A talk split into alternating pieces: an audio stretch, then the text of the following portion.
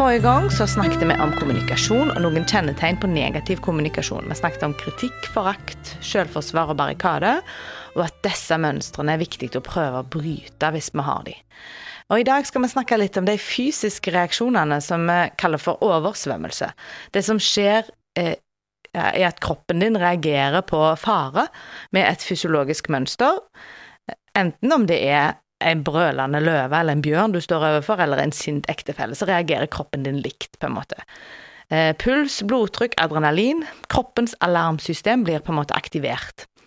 Og du får dårligere evne til å bearbeide informasjon, kreativiteten og humoren bare forsvinner, og du sitter igjen med de mest automatiserte og de minst intellektuelle responsene.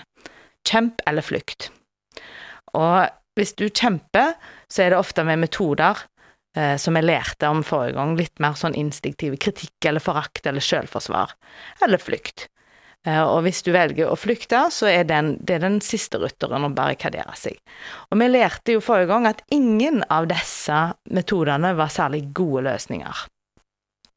Så det kan du vite med sikkerhet, at hvis du er oversvømt, hvis du kjenner at det, eh, det er fysiske reaksjoner i din kropp, hjerte, puls, blodtrykk, adrenalin, hvis systemet ditt er aktivert i en diskusjon, i en krangel med ektefellen din, da må du ta deg en pause.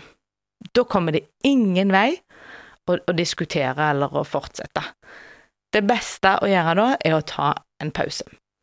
Og det som er veldig interessant, som forskningen til han John Gottman viser, da, er og det er han som har forska mest dette i, på dette i hele verden. Han har over 40 år med dokumentert forskning på parforhold.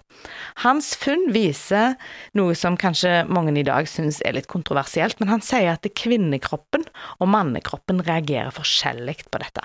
Han har målt blodtrykk og puls og hormoner og psykiske og mentale reaksjoner, og han finner altså at kvinner og menn reagerer ulikt, eksempel i en krangel.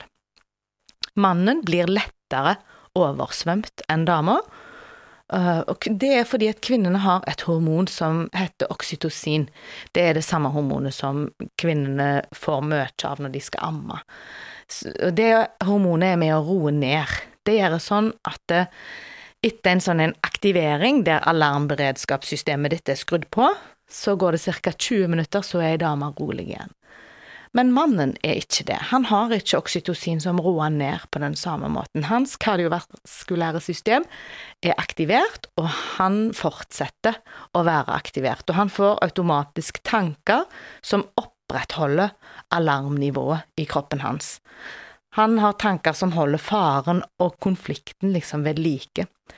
Det betyr forenkla sagt at det er vanskeligere for en mann å være i en krangel enn det er for ei dame. Det er rett og slett mer fysisk krevende, det er mer belastende for han, og han bruker lengre tid på å roe seg ned eh, enn ei dame gjør.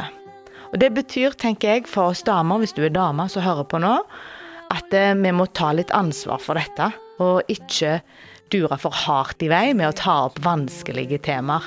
Vi må passe på at mannen vår er rolig når vi skal snakke med han.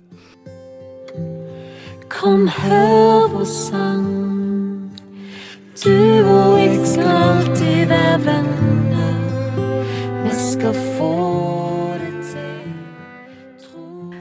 Og det at det er mest kvinner som bringer opp de vanskelige temaene, eh, og ønsker å snakke om ting, det er helt vanlig. Det viser forskninga. For vi syns ikke det er så stressende og belastende for oss å gjøre det. Det er naturlig, og vi tenker det er nødvendig. Og vi skal ikke slutte å gjøre det, men vi må prøve å passe på at konflikten ikke eskalerer så langt, og vi må stoppe liksom i tide. Gjerne ta noen pauser før vi blir oversvømt. Eh, og en måte å avverge en sånn en konfliktsituasjon eller en slags angrep på, da, det kan være med det som vi kaller for reparasjonsforsøk det er å si eller gjøre et eller annet som tar litt brodden av den sinte kommentaren eller situasjonen som holder på å bygge seg opp. Eksempel å le litt av seg sjøl, eller å uh, si noe som avleder. Så hvis du merker at uh, du er i en situasjon som bygger seg opp, så klarer du gjerne å holde stressnivået nede med et reparasjonsforsøk. Og hvis det er motsatt, hvis det er du som er den sinte, og du hører at du får en tullete kommentar, så vil jeg anbefale deg å prøve å ta imot den. Selv om det ene krevde litt. Prøv å smile litt og le litt og ta imot, selv om du ikke akkurat følte for det. Det er lurt, for da greier vi å forholde oss til saken litt lettere, så stiger ikke konflikten så høyt. Eh, og det er viktig å huske at du oppnår mer med å holde stressnivået nede. Da kan begge ha muligheten til å faktisk høre etter og forholde seg til saken, og ikke bli oversvømt av følelser og reagere primitivt. Så hvis du er stressa eller sint eller føler fjernhet til partneren din, så blir det lett at du fremhever de negative karaktertrekkene, så blir det en slags sirkel for det igjen forsterker ubehaget og gjør forholdet dårligere. Derfor er det viktig å øve seg i å holde fram det som er bra, og tenke på det som er positivt. Um, og hvis du da prøver å velge deg ut noen sider, noen ting som du syns er bra med partneren din, så kan du gjenta de sidene de tingene for deg sjøl inni deg. Du må forsøke å ta vare på hengivenhet og beundring. Hvis det var noe du tenkte Eh, og var veldig begeistra for, eksempel i startfasen av forholdet, noe du beundrer hos partneren din, så prøv å hente fram litt igjen, og tenk litt på de tingene, og gjerne si det òg til partneren din, de tingene du setter pris på. I ordspråkene 1624 så står det vennlige ord er som dryppende honning, søte for sjelen og sunne for kroppen. Og Oppsummert for i dag så kan vi si at når en krangel når så langt at begge parter, eller en av partene, blir oversvømt og alarmberedskapen er skrudd på, da må man stoppe og ta en pause. Eh, og man må forsøke å gi og forsøke å ta imot reparasjonsforsøk når vi er i en krangel. Og vi må øve oss på å være hengivne og se de sidene som er positive og som er verdt beundring.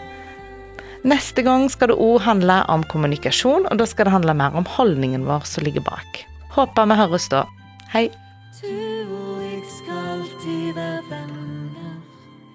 Vi skal få